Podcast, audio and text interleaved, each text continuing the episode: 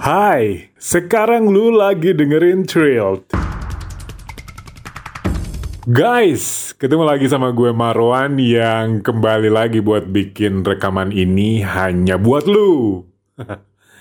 eh tau nggak guys, gue ini sangat excited bikin rekaman ini karena tau nggak apa? Karena gue punya list film-film baru yang udah nggak sabar pengen gue ceritain ke lu dalam rekaman ini ya. Eh, ini bukan film-film lama yang baru gue tonton ya, tapi ini bener-bener kategori film-film baru.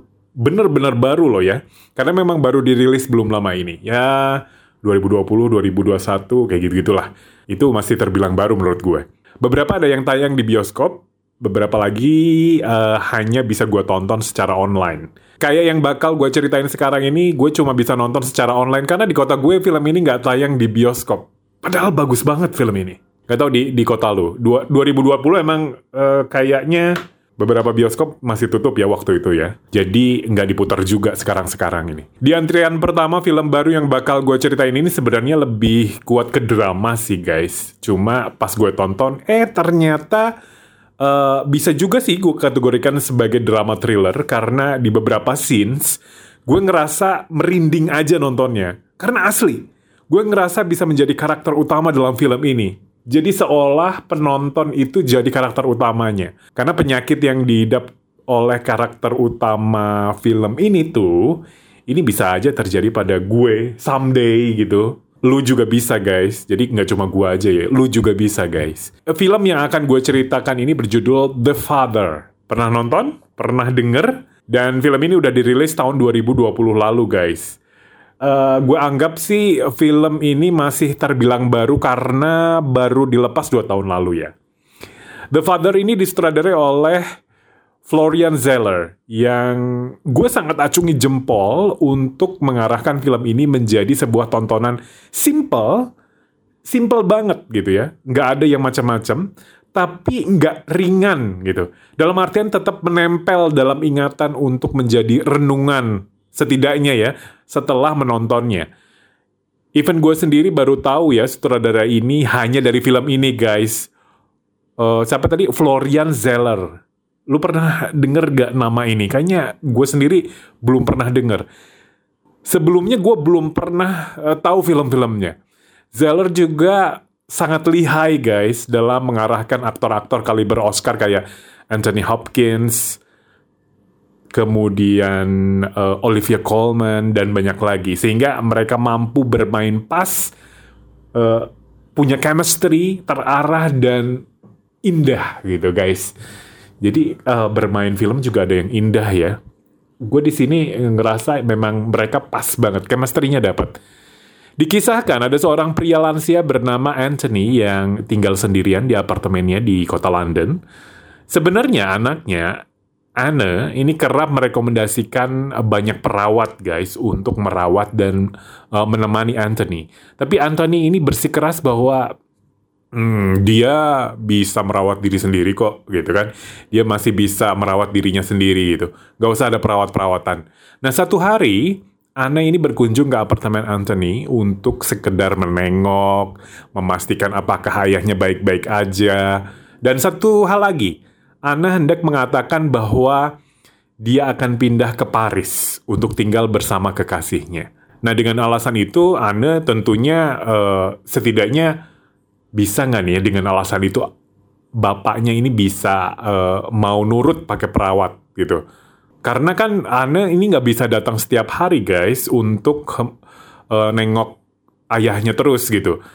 Dan sayangnya, Anthony ini malah sedih karena dia nggak ingin ber tinggal bersama perawat. Lagi-lagi dia menolak. Keesokan harinya, Anthony ini dikejutkan dengan adanya seorang pria asing di apartemennya. Pria itu bernama Paul. Anthony pun menanyakan, siapa sih? Siapa sih lu gitu kan ke pria itu. Paul bilang bahwa dia itu adalah suami Anne, anakmu gitu. Dan mereka sudah menikah selama 10 tahun.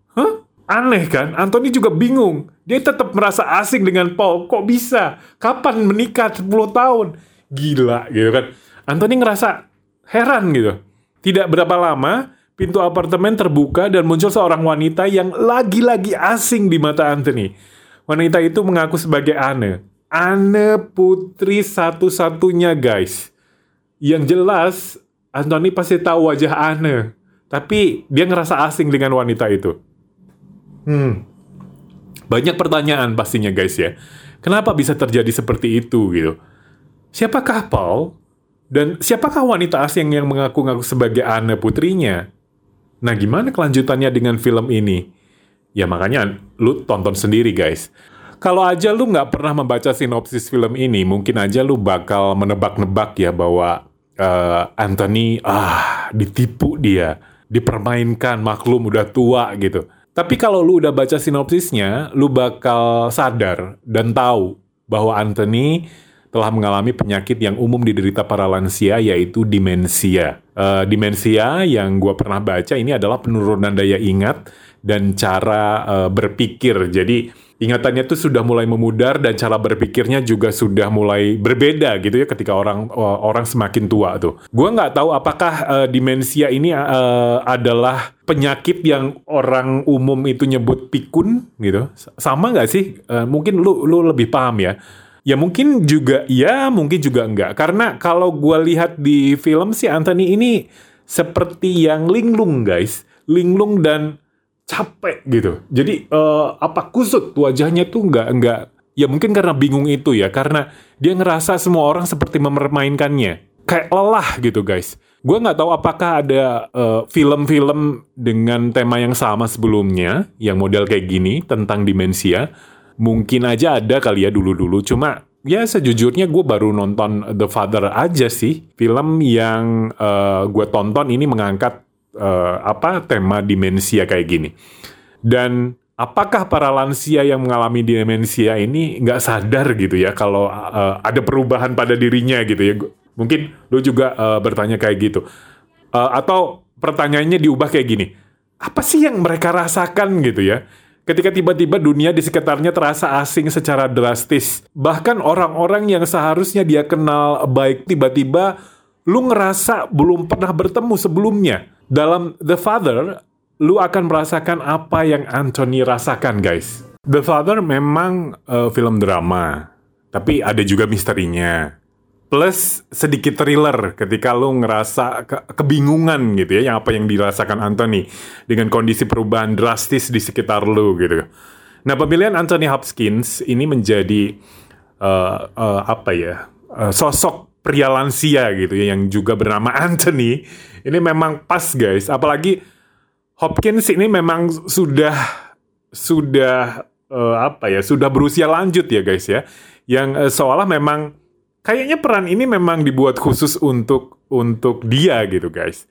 Gue ngerasa Hopkins seolah ingin menunjukkan pada dunia bahwa dia yang memang sudah sangat senior itu bisa aja menjadi seperti uh, karakter pada Anthony. Gue ngerasa karakter Anthony itu memang dia gitu loh sudut pandang pada film ini memang pada Anthony guys. Jadi lu yang uh, menonton juga ini akan menjadi Anthony yang uh, merasa seperti dipermainkan oleh Anne, anaknya, oleh Paul juga yang mengaku-ngaku suami Anne. Lu bisa sangat uh, merasakan kelelahan uh, kelelahan yang dialami seorang Anthony yang benar-benar dibuat bingung oleh perubahan-perubahan drastis di sekelilingnya setiap harinya selalu ada aja yang berubah. Bahkan bukan hanya dalam sehari. Ketika Anthony keluar kamar dalam hitungan jam pun dia bisa menemukan perubahan lain lagi, guys. Seketika gitu ya. Scene yang paling uh, bikin gue merinding adalah ketika Anthony uh, hendak makan malam bareng uh, Anne dan juga Paul.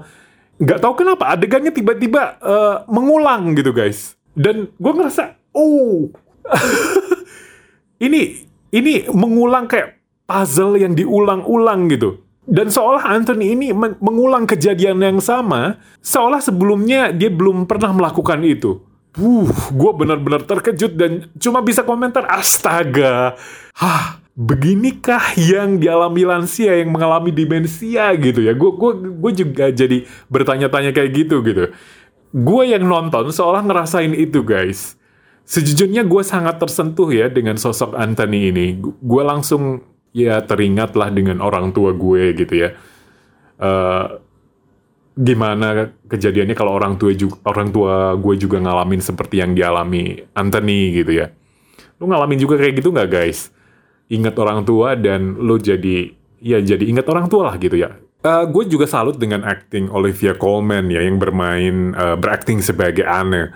Chemistry antara Colman dan Hopkins, Hopkins ini uh, sangat menarik di film ini. Even Coleman nggak uh, bermain menjadi karakter yang kompleks ya, tapi uh, dia tetap mampu untuk mengimbangi acting uh, Skin yang sudah nggak diragukan lagi.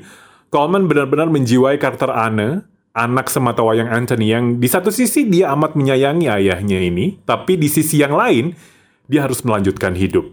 Makanya sesekali ada saja bayangan-bayangan yang gue yakin akan dialami siapa pun yang merawat orang tua seperti Anthony.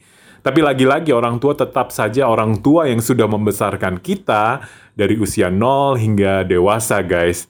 Ana tetap ingin berbakti pada ayahnya ini. Makanya Ana lebih memilih ayahnya untuk tinggal sendiri dan kerap menawarkan perawat. Even sebenarnya Anthony selalu menolaknya. Daripada menempatkan Anthony di panti jompo misalnya ya. Ana lebih memilih datang setiap hari ke apartemen ayahnya untuk mengurusi segala sesuatunya Even sebenarnya praktik uh, seorang anak menitipkan orang tuanya di panti jompo ini adalah hal yang umum ya, yang terjadi di barat sana. Tapi tetap aja ada saja anak yang merasa ya nggak tega lah kayak Anne ini. Lagi-lagi dia lebih memilih membayar mahal perawat untuk ayahnya. Tapi sayangnya Anthony tidak menyadari dimensianya. Karena memang rata-rata lansia itu tidak menyadari uh, saat dia menjadi demensia. Terus apakah film ini punya solusi? better lu nonton sendiri. Film ini sangat pas buat lu yang ingin lebih memahami bagaimana pemikiran orang tua di masa tuanya yang sedikit-sedikit ingatannya sudah kabur, terus cara berpikirnya juga sudah rubah. Biar lu bisa tetap berkomunikasi dengan baik dan tidak selalu emosional ya guys ya. Jatuhnya memang uh, ngobrol dengan orang tua kadang baper sih guys ya, tapi tetap saja dia adalah orang tua lu. Jadi uh, lu harus lu sendiri yang harus bisa untuk berkomunikasi dengan baik dengan orang tua lu. Oke, sekarang saatnya penilaian guys. Dari 5 bintang, gue kasih empat setengah bintang untuk The Father. Karena uh, film ini uh, begitu indah menurut gue. Sekaligus memberikan pelajaran berharga buat gue. Ya, semoga lu juga uh, bisa mengalami hal yang sama kayak gue ya guys ya. Punya pengalaman yang sama lah saat menonton film ini. Oke? Okay?